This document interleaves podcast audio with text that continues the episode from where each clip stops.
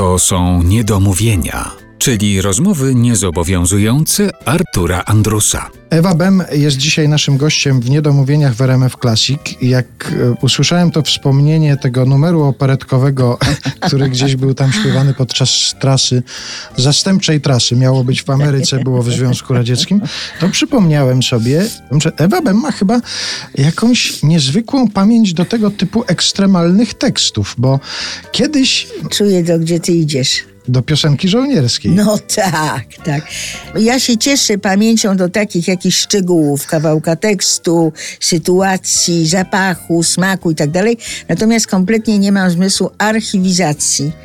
I gdyby nie to, że tam Gingy, czyli mój mąż, od czasu do czasu coś schowa i w jakiejś szufladzie przepasnej, to bym w ogóle nic nie miała, bo no naprawdę absolutnie nie przywiązuję do tego wagi.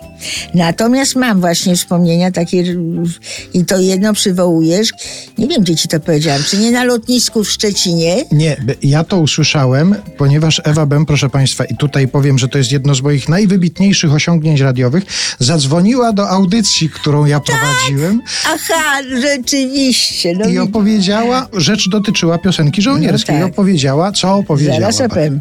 I zrobiłam ci audycję. Tak, oczywiście, oczywiście, że tak.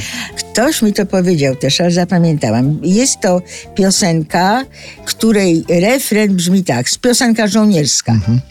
Nie ma marszu dla desantu, no bo jak tu maszerować, gdy się spada prosto z nieba na głębokie tyły wroga?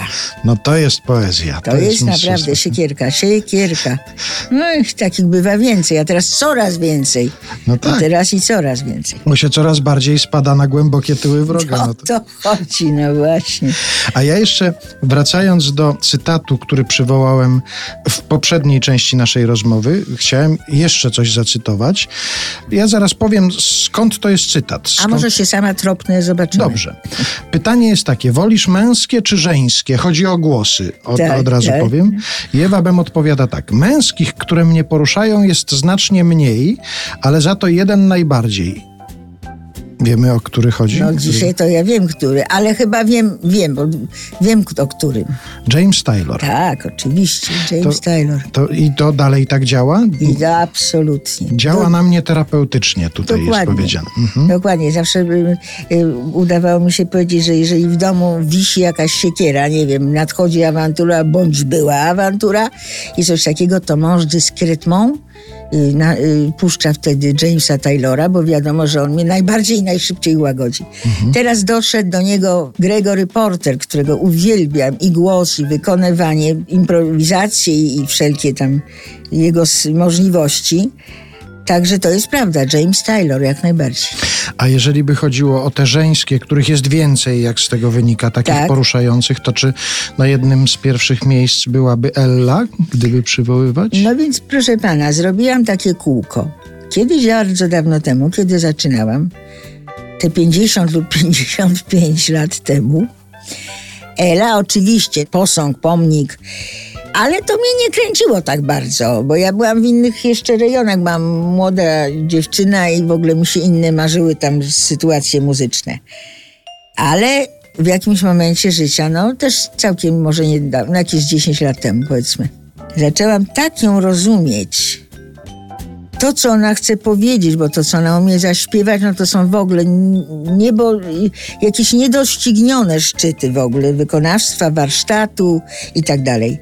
Ale to, jaka ona jest, że jest tak urzekająca, że jest tak ciepła, no, no, no wspaniała i teraz to mnie naprawdę zjada uwielbienie dla Eli, choć nie jednej jej słucham.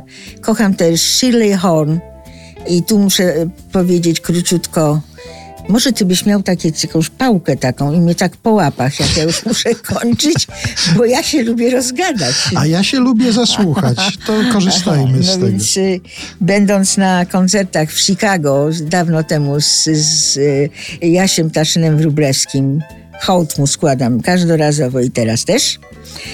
On mi powiedział, poleciał, czy polecił, czy, czy rekomendował, żebym poszła do sklepu muzycznego i kupiła płytę Shirley Horn with Strings.